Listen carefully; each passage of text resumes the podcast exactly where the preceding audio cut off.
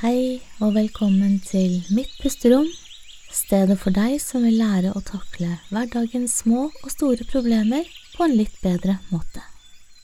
Og nå er vi tilbake igjen, og i dag skal vi snakke om angst. angst. Jeg holdt på å si anxiety, for det er jo morsmålet mitt å tenke på engelsk. Det er på bakgrunn av en kunde som har skrevet til oss, hvor hun spurte om vi kunne si noe om angst. Og angst er jo et fryktelig stort tema, og vi skal etter hvert begynne å avgrense det. Men, men Rita, jeg ser at du har slått opp og sett på noe statistikk. Jeg måtte ha litt statistikk i dag òg, og det jeg ser er at det er 25% av Norges befolkning som har lidd av angst på, på et eller annet tidspunkt.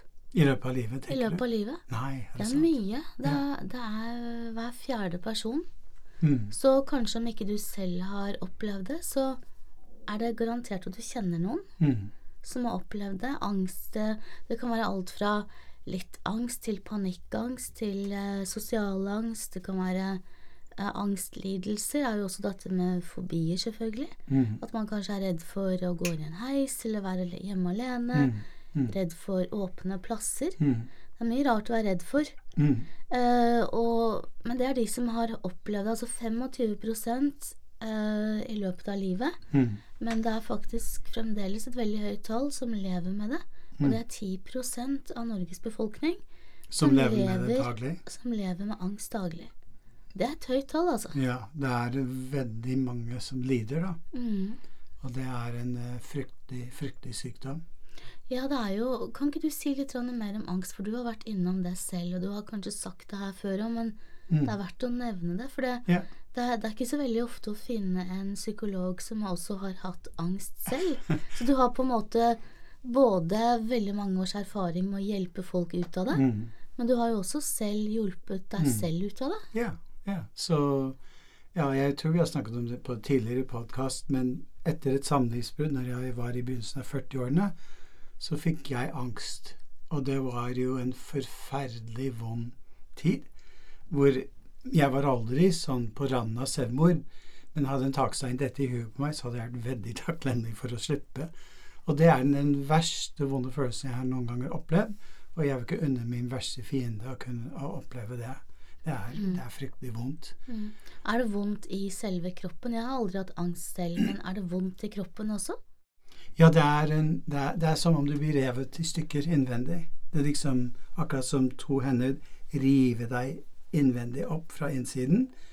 Og du vet at du sliter når du ligger på kjøkkengulvet, jeg la meg på kjøkkengulvet, rett på ryggen, og hele kappen rister ufrivillig som et aspeløv i, i sterk vind.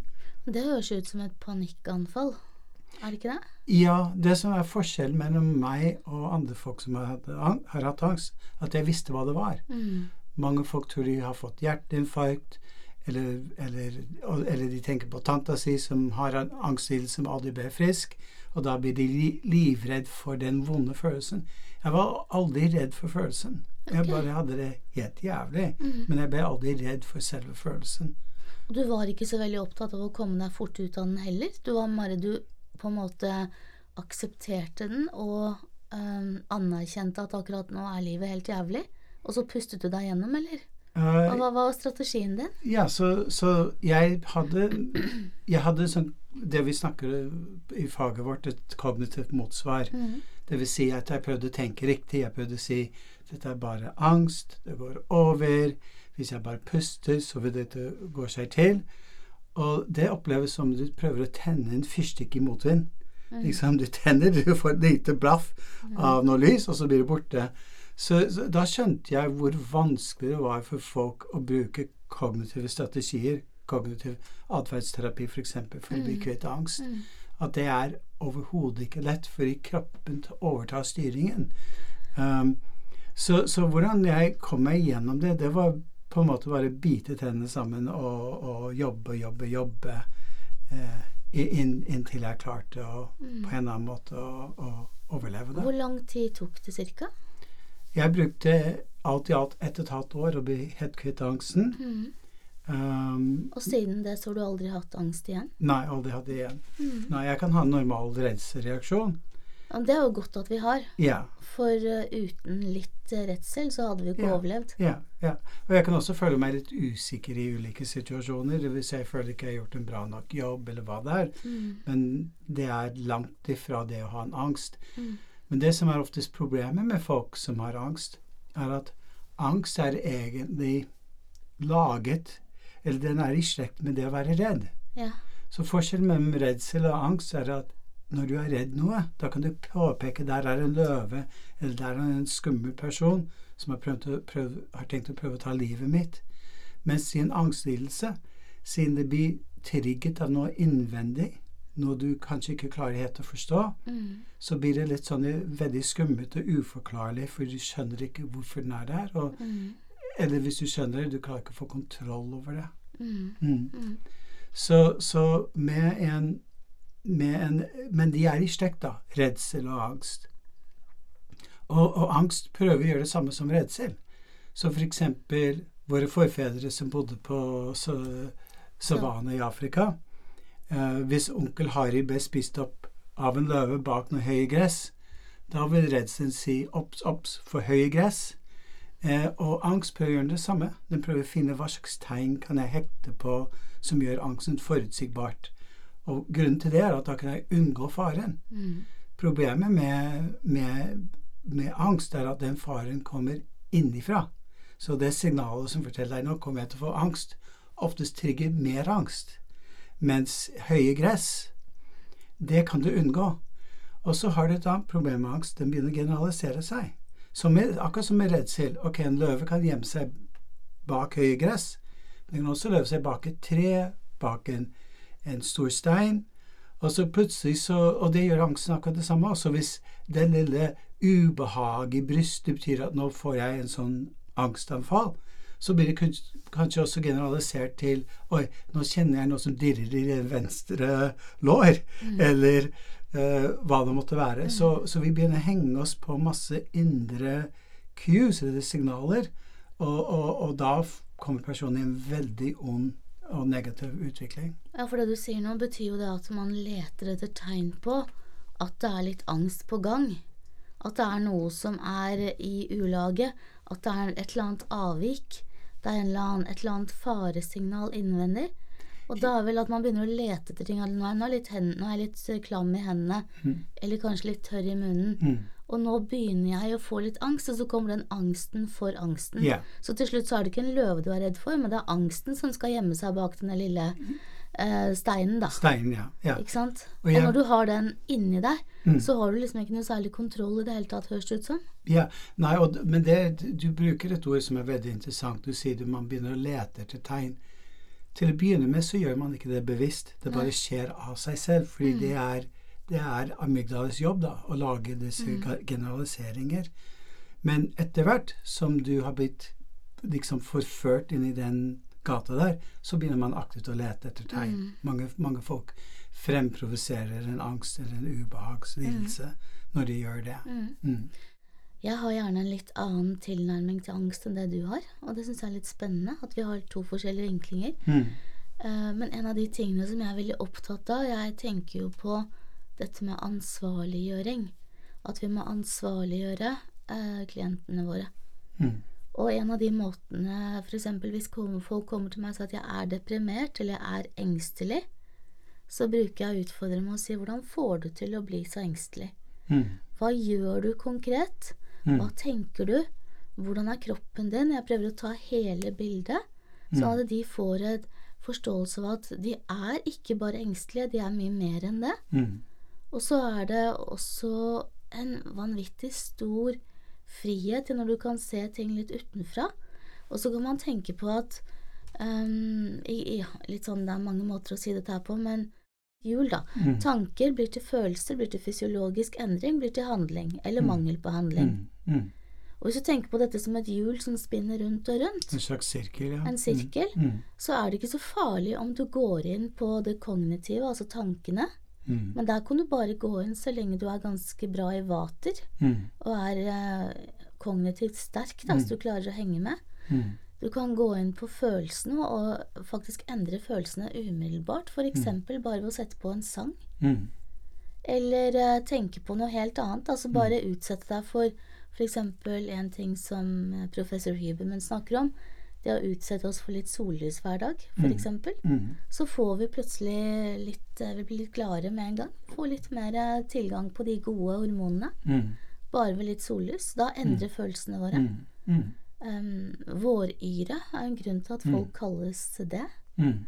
Og så har du dette her med handling. Du kan gjøre du kan, Eller unnskyld, du kan ta fysiologien først. Mm. Du kan istedenfor å sitte og henge og subbe og se ned i gulvet og sukke og, og bare henge med hodet, så går det an å rette seg opp i ryggen, reise seg opp, se opp, se på himmelen. Et fysiologisk skifte vil også gjøre noe. Og det samme med handlingene. Hvis, hvis du ikke klarer å få til ti minutter, så kanskje du får til to minutter. Mm. Så det er ikke så farlig når folk klarer å se det utenfra. Mm. Så ser de liksom Oi, jeg klarer kanskje ikke å gjøre noe med tankene mine, men jeg kan faktisk velge å reise meg opp.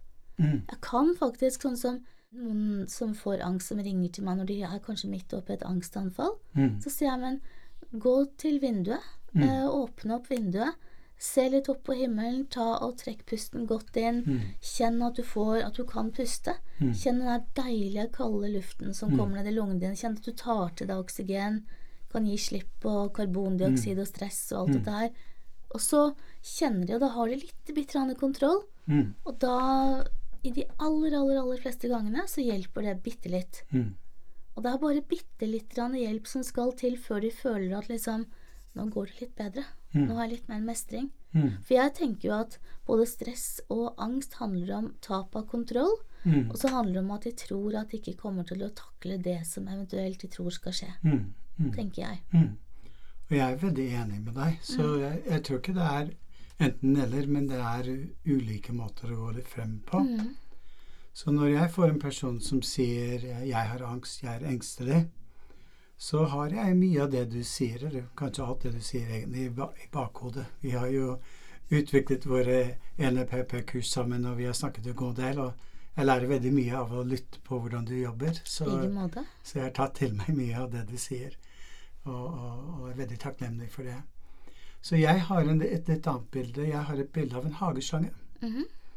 Så jeg sier til folk at uh, hvis du vil spire bilen, eller du vil vanne blomster, så kan du justere den tuten, så du kan enten ha en stråling som er veldig hardt for skylle bilen, eller veldig diffus og dusete, liksom, så at du kan vanne blomstene. Men en annen ting som er morsomt, det er at Og, og da holder du ved tuppen. Men tenk hvis du holder en halv meter bak tuppen, og du har det på full guffe hele tiden, og det vannet spruter eh, ukontrollert ut. Da får ikke du vannet blomstene. Det, det er helt uforutsigbart hva du skal gjøre. Og det er sånn jeg sammenligner det for et angstanfall. Alle følelsene bare alle de redselfølelsene har du ingen kontroll over. Føles det sånn? Mm. Og jeg forklarer folk at det kalles for, på faget vårt, vi kaller for affektregulering. Affekt betyr følelser, og det er å kunne regulere disse følelsene. Så sier jeg vi må, jeg må hjelpe folk øke affektregulering, så at de kan få bedre og bedre kontroll. Så igjen, det handler om kontroll. Mm. Og så sier ofte så gjør jeg dette, og jeg vet at du gjør det du òg, men vi hadde to forskjellige tilnærminger på hvordan vi gjør det. Og det er at jeg må lese personen, du leser personen du òg, men du, du er en empath, da. Du, du kan leve deg inn i mye større grad enn det jeg kan, hva personen føler. Så det jeg gjør, at vi, hvis de sier 'jeg har angst', så vil jeg si 'kan du kjenne på den angsten nå'? Etter jeg har forklart dette med den hageslangen, så de skjønner hva det er vi skal jobbe med. Eh, og så sier de oftest 'ja, det kan jeg'. Og da sier jeg hvor, hvor i kroppen føler det er mest sentralt, og de aller fleste føler det i brystkassen.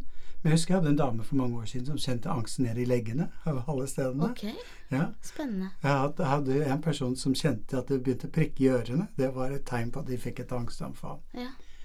Og så når de da kan leve seg inn i den følelsen av angst, så spør jeg da eh, Mens du kjenner den følelsen, hva er det første som dukker opp i tankene dine?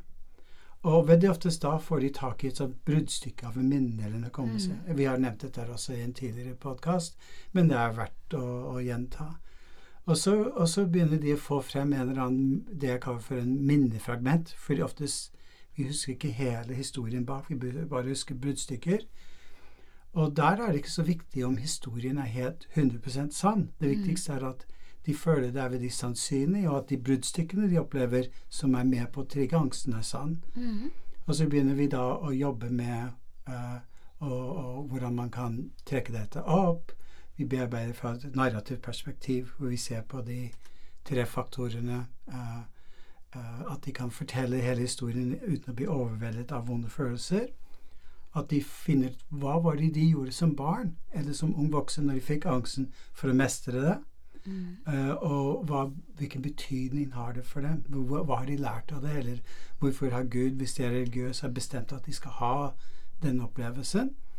Og det fjerde elementet jeg legger til, er takknemlighet. Istedenfor å si jeg bare har hatt flaks, så kan man si jeg er takknemlig for at ting gikk på en god måte den dagen. Mm. Eh, og det, den nye narrative til, tilnærmingen, kombinert med eh, mye av det du gjør, og, og, og, og etter hvert å følge opp med dyp hypnose, kan oftest hjelpe en person ut av angsten. Mm, jeg ser den. Eh, akkurat det å endre narrativet er jo noe som jeg også jobber veldig mye med. Mm. Og jeg liker å, å bruke metaperspektiv, så man ser ofte ting utenfra. Mm. Sånn gjerne som en ørn, da. Se det så langt utenfra som du kan, så du får oversikt. Mm. Og da er det ofte også i menneskers liv at de ser andre som kanskje ville ha taklet det de står oppi på en bedre måte. Mm. Og det kan også være litt lurt å tenke hvordan ville f.eks. bestevennen din da Mm. ha taklet denne situasjonen. Mm. Og hvis du skulle late som om du er bestevennen din, Mm. ikke sant? og hvis du skulle ta med deg noen gode tips og sånn, Mm. og så kjører man en liten film på dette her, Mm. og tester ut det. For det er i hvert fall én ting som er helt sikkert, er at eh, hvis du har en sperre, Mm. og du bruker all energien din på å kjempe for at nei, jeg tør ikke, jeg kan ikke, jeg Mm. tåler ikke, jeg fikser ikke, og kjemper hardt for disse begrensningene, Mm. så kommer du alle til å komme deg ut av angsten. Mm. Mm. Og det kan være alt fra å møte mennesker eller skifte jobb eller hva det enn måtte være. Mm. Men det er ekstremt viktig å kjempe for de riktige tingene, tenker jeg. Jeg er veldig enig. Og da må man kjempe for løsninger.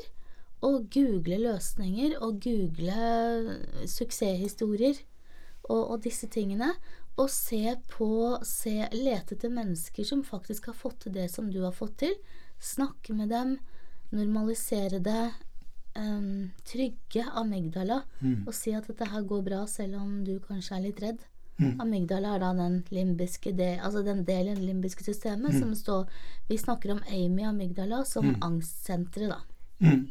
Vi, kaller, vi forkorter amygdala med Amy, fordi amygdala skrives AMY. Altså Mm, så ble det Amy, ja. Ja. Så det, det jeg tenker av vær litt obs på, for, for når man er redd, så i hvert fall har jeg sett at det er veldig mange som får en intensitet i energien. Mm. Mm. Um, og, og jeg tenker at den intensiteten som du da har i energien akkurat da, det er veldig, veldig viktig at du er litt obs på hva du tenker når du er så intens. Mm. Mm. For det har en tendens til å sette seg litt fast, det du da tror. Yeah. Så hvis du tror at sånn kommer det alltid til å gå Hver gang jeg går ut på byen, så kommer jeg alltid til å få et uh, panikkanfall. Mm. Hver gang jeg prøver å søke om en jobb, så vil jeg alltid få et nei. Så da vil jeg ikke utsette meg for det igjen. Yeah. Altså disse generaliseringene her. Mm. Og hvis man da ser dette her utenfra, da, som jeg sa i en metaperspektiv, Mm. så vil du jo se at det er ikke alltid. Du, vil ikke, du har ikke alltid fått et nei. Du har ikke alltid hatt det vondt. Mm. Og da er det igjen narrativet. Velg å se på de gangene som det faktisk gikk bra, Ja. og lete etter de gangene. Hva gjorde du da? Hva tenkte du annerledes? Mm. Og en av de tingene som eh, jeg hører stadig vekk, og jeg har en herlig jente blant annet som har gått hos meg i en del år, eh, og hatt en del utfordringer. Eh, og hun, hver gang hun har gjort noen ting, så kommer hun tilbake til den Rita, det gikk bedre enn jeg trodde. Mm. Og jeg har så lyst til å tatovere det på henne. For det går som regel bedre enn det vi tror. Mm. Eh, og det trenger vi å minne oss om. Hver eneste dag så trenger vi å minne oss om at det går nok bedre enn det jeg tror. Men den biten, den kognitive biten, den må jo skje når vi er rolige, når vi er i balanse. Mm. Det må skje før angsten kommer. Mm. Det må skje på en daglig basis, tenker jeg. Mm. Så hvis man tenker litt på angst, så har det en, en, en en nokså følelse som en sånn eksponentiell stigning. Det lille tegn du har, det går veldig fort opp til en veldig høy kurve hvor det topper seg, og du ender opp oftest i en, for mange i en panikkanfall, eller redd, redd for å få panikkanfall. Um, så det som er fint når folk kommer på kontoret, er at der kan vi fremelske, fremprovosere en liten mini-angstanfall, og så kan vi på en eller annen måte forstyrre den mens personen er i ferd med å, å uh, få det angstanfallet. Mm -hmm. Innenfor NLP så kaller vi det for a pattern to interrupt. Og det ser vi igjen og igjen, da, er at for å få til en utvikling vi må, Personen må kjenne på det ubehaget. Eh, må, må, kjenne litt på at de er litt utenfor komfortsonen. For så hjelper vi dem inn i en mestringsopplevelse. Mm. Og hvis ikke vi gjør det, hvis det blir bare en kognitiv øvelse, så, så vil ikke det hjelpe. Og du gjør en ting som jeg syns er veldig bra for å hjelpe folk til det du oppfordrer folk til å bli venner med angsten. Det er ja, en sånn art, artig tilnærming. Ja, jeg liker den tanken der om at vi skal bli venner med angsten, fordi jeg tenker hvis vi har angst eller for så vidt alle andre ting også, depresjon eller sorg eller noe sånt, istedenfor å tenke at vi ikke skal ha det, at vi ikke må ha det i verden, at, eh, eller at det ikke skal finnes i vår verden, mm. så jeg, jeg, tror liksom ikke så veldig på at vi skal flykte fra noe i det hele tatt. Mm. Jeg tror litt på at vi skal kunne stå i det som er, akseptere det, snu oss mot det, mm. og se det litt i hvitøyet. Mm. mm. Og rett og slett bli så gode venner med angsten og høre hva angsten har å si. Og så bare tenk igjen, hvordan blir du venner med noe som helst? Du snur deg mot dem, du ser dem i øynene, du hilser, rekker ut hånden, og så begynner man å stille spørsmål. Mm. Og hvis den ene er veldig stille, så får den andre stille mer spørsmål. Mm. Så hvis angsten da ikke ville si så mye, så er det opp til deg å stille flere spørsmål på en vennlig, nysgjerrig og undrende måte. Mm. Og så kanskje angsten etter hvert begynner å prate litt tilbake. Da. Det høres helt sært ut, men uh, man kan gjøre det høyt. Man kan også gjøre det skriftlig som en mm. skriveøvelse. Mm. Og bare sånn, hva, er du, hva, er det du, er så redd for, vennen min? Ikke sant? Mm. Hva, er det, ikke sant? hva det som skjer nå? Mm. Nå har du det ikke så greit. Har du det? Mm. Ikke sant? Bare snakk til angsten som om det er et lite barn. Så du jobber med schizofreni etterpå? det er kanskje det det går over til. Men nei, det, det er dette med objek objektifisering. At man tar en, en følelse, og så tar man den ut av personen. Uh, så man skal på en måte skjønne at du er den som mm. ser på angsten mm. eller en annen følelse. Mm. Og dermed så er angsten ikke bare en del av deg. Den, den, er, den er, ikke deg, den er bare en del av deg. Mm. Mm. Og det gir igjen en følelse av kontroll som gjør at blodtrykket og alt dette og adrenalinet går litt ned. Så mm. man er i stand til å kanskje koble seg på den kognitive biten. Og det, det, er veldig spennende hvordan du gjør dette. Og, og, men tenker du at personen skal alltid ha angst, og, og, de vil alltid være venner med en angstlidelse, eller tenker du at etter hvert så blir den angstlidelsen borte vekk når du har den tilnærmingen? Jeg har opplevd at mange har mistet angsten helt og fullstendig, men mm. den har på en måte eh, også for, for, noen som eh, f.eks. da er veldig opptatt av at jeg må ikke ha angst i det hele tatt for å være frisk. Mm. Mm så, så, blir det litt sånn vanskelig hvis, til, hvis, hvis da utgangspunktet er Hvis utgangspunktet er at jeg kan ikke ha angst i det hele tatt mm. for å være frisk, så blir jo listen lagt veldig, veldig høy. Mm. Høyt. Mm. Men jeg, med min tilnærming så tenker jeg mer at øh, jeg kan leve godt med den angsten jeg har. Mm. Og jeg er venner med angsten. Mm. Og den hø altså jeg hører på angsten når den kommer. Hvis du tenker på angsten som en egen del utenfor mm. deg, mm. som jeg kaller som en liten venn som du skal leve med Venner er det viktig at vi hører på. Og når venner blir hørt, så behøver de ikke lage så mye leven. Da kan de på en måte bare dukke opp, og så snur du deg mot dem, og så sier du ok, du er litt sliten, ok, mm. da får du bare slappe av litt, så går jeg videre. Mm. Mm. Så angst, å bli venn med angsten, handler om på akkurat den måten at den er nok med deg, men den behøver ikke å være noe til bry i det hele tatt. Den bare er der. Så kanskje om to, tre, fire år så føler du at angsten er litt mer aktiv igjen. Det er ikke noe krise, det. Det er bare å prate med den, og så går den og legger seg igjen. Mm. Eller tenk på det på samme måte som en hund som du skal oppdra. En hund som, eh, som eh, du gir oppmerksomhet, eh, som du gir masse kjærlighet, som du gir Mm. masse trygghet. Da vil den bli ganske trygg på at du er lederen, og når du knipser med fingeren og sier ned eller sitt eller ligg, så gjør den det. Mm. Mm. Den kan være med, Ja, men den bør ikke lage som eleven. ja, ja.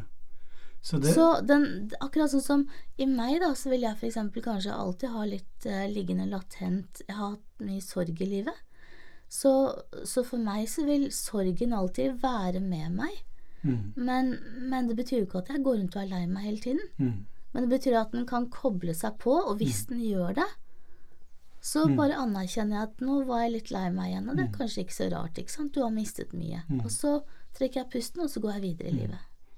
Jeg mener jeg hørte om noen Jeg tror ikke det var fra deg, hvor, hvor det var en fyr som ble intervjuet. Han mistet tvillingbroren sin. Var det deg jeg hørte det fra? Og det var noen som sa Og de var i 30-årene, tror jeg, når tvillingbroren ble borte. Og han sa 'Hvordan klarer du å, leve med så mye sorg?' Og så pers personen sa 'Det er ikke så mye sorg jeg kjenner nå. Det er mer det savnet.' Jeg kommer alltid til å leve med et stort savn i hjertet mitt. Mm. Men så han skilte mellom sorg og savn, da. Ja, det er hans- veldig fint, for det vil jo gå over, selvfølgelig. For sorgen den har jo for det første mange faser. Mm. Og så går det jo over til eh, et savn, selvfølgelig. En veldig fin, eh, fin eh, reframing, altså Ja. en sånn omdefinering av den. Ja, Ja, veldig ja. fin. Så savnet vil alltid være der. Mm. Mm. Og savn og sorg er jo koblet opp til hverandre. Oftest er det det, ja. Eller alltid er det det. Det er alltid det, vil jeg tro. Så, Så, så men så, så det jeg mener med at det, vi bærer med oss, da, enten Mm. det måtte være angst eller depresjon eller sorg eller sånt, det behøver ikke være så tungt. Nei, nei, nei. Og det er litt avhengig av hvordan vi velger å se på det. Mm.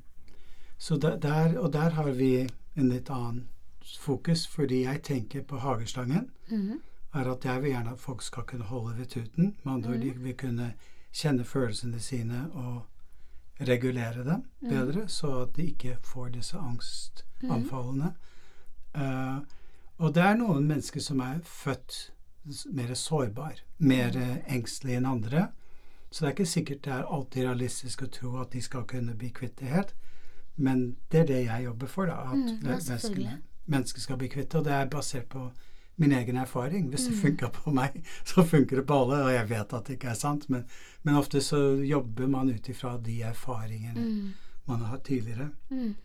Og hvis vi tenker litt også på litt flere sånn på tampen av, av denne podkasten på løsninger En av de tingene som hjalp meg mest, og som overrasket meg mest når jeg jobbet med å finne en løsning, var at når jeg kjente på angsten og den De fleste ville kalt det en panikkanfall, men den, jeg fikk ikke panikk av den, for jeg visste hva det var. Det var bare helt jævlig, for å si det rett ut. Verst jeg opplevde av smerter. Så mens jeg lå der og satte Jeg husker jeg satt på en parkeringsplass i en bil og, og bare ristet, og det var så vondt. Og så stilte jeg meg selv følgende spørsmål. Eh, Sigurd, hva er det du egentlig trenger nå for å få vekk denne smerten? Og akkurat som fra eh, lyn fra en klar himmel, så slo det meg i hodet Du trenger å bli klemt av en stor, sterk mann. Du trenger å bli holdt av en stor, sterk mann. Hva, sa du? Det, var- det syns jeg var litt sånn underlig, men det bare kom helt spontant. Og da ringte jeg til en, en fyr jeg kjenner, Olav heter han, han var med på å stifte Milepælens ungdomshjem. Han er en gestaltterapeut også, i tillegg til å være, ha mange andre roller. Så han tok meg imot, og han bare holdt meg mens jeg lot all smerten komme ut, og jeg grein som en, et, et lite barn. Og det gjorde han to ganger, og da var mye av smerten borte. Da var det mer håndterlig, den ubehagelige følelsen jeg hadde. Så det å, å kunne intuitivt kjenne etter hva trenger jeg når jeg har det vondt? Hva hadde, hva hadde, hva hadde vært godt å få nå? Mm. Og det er veldig spennende når folk kan være såpass til stede i seg selv, kjenne smerten og stille seg selv det spørsmålet. Du er jo også en veldig kinestetisk fyr, for du kjenner veldig mye i kroppen. Du føler mye, du liker fysisk berøring, du er veldig opptatt av hva som skjer inni kroppen. Du Ja. veldig koblet opp på kroppen din, da. Ja. Jeg husker Så ikke det er kanskje litt det det handlet om. Ja, Det også handler litt om at, tror jeg, da, min forklaring på det at faren min var jo sjømann. Mm. Og oftest menn i et forhold representerer eh, krigeren. De mm. representerer personen som drar med seg hjem mat og penger. Jeg vet at det er veldig sånn eh, eh, Kan høres veldig sånn eh, nedlatende ut overfor kvinner å si det på den måten. Nei, men jeg tror litt på disse arketyper. Men jeg tror kanskje du snakker om mer fra et evolusjonistisk perspektiv også, så var det jo litt sånn før. Ja, Og vi kommer vel ikke helt unna at det sitter litt i eh, systemet vårt fremdeles. ja, jeg tror mange feminister blir sint på oss nå, men da får Det kan dere hende. Men, men, det, men det at det sitter kanskje litt i systemet, betyr ikke at man behøver å leve det helt ut. Nei. For vi har jo en hjerne, så vi kan Ja. utvikle oss og bli mer Ja. enn bare det vi kanskje Mm. var fra ja, biologien sin side. Men i hvert fall forklaring for meg var at jeg opplevde, opplevde ikke en far som en trygg, stor base. Mm. Og den, siden den var savnet i mitt sinn, så kunne jeg på en måte få det igjennom f.eks. det å, å snakke Mm. med Olav og, og få den fantastisk gode, gode klem og bli holdt mens jeg kjente på Mm. smerten og uroen. Så det å, og, og, og det, derfor tenker jeg at mye av disse angstlidelser kommer ikke alltid fra eh, barndommen, men de kan ha sitt opphav fra at For du får ikke den kjærligheten og den tryggheten. Da får du Mm. dårlig affektregulering. Mm. Så ja, så, så det er veldig spennende. Det er veldig Spennende. og angst kunne vi helt sikkert snakket veldig mye lenger om. Men nå skal Mm. vi holde oss til en halvtimes tid. Har du spørsmål, så send oss gjerne en uh, SMS eller noe. Ja. Eller ring oss. For uh, vi syns det er gøy. I dag ble det veldig generelt om angst, da, men det var også fordi det var et veldig generelt spørsmål. Ja, vi kunne kanskje en gang snakke litt om uh, fobier, og hvordan bli kvitt en fobi. Mhm. Og det er mye av den tilnærmingen vi bruker for, eh, for, for å bli kvitt en fobi, bør vi kunne også bruke for angst. Og vi har så mange historier om folk vi har jobbet med angst. Ja, for vi har jo dette med OCD blant annet, og Mm. tvang, altså tvangslidelser og den type ting. Mm. Eh, Posttraumatisk stress, som også er angst, det har vi snakket om allerede. Ja, det er en av de tidligste podkastene vi gjorde. Og spiseforstyrrelser ofte har mye angst mm. forbundet med det. Så det er eh, et hav av ting vi kan prate om, Mm. men eh, for nå så får vi bare ønske deg en god dag videre.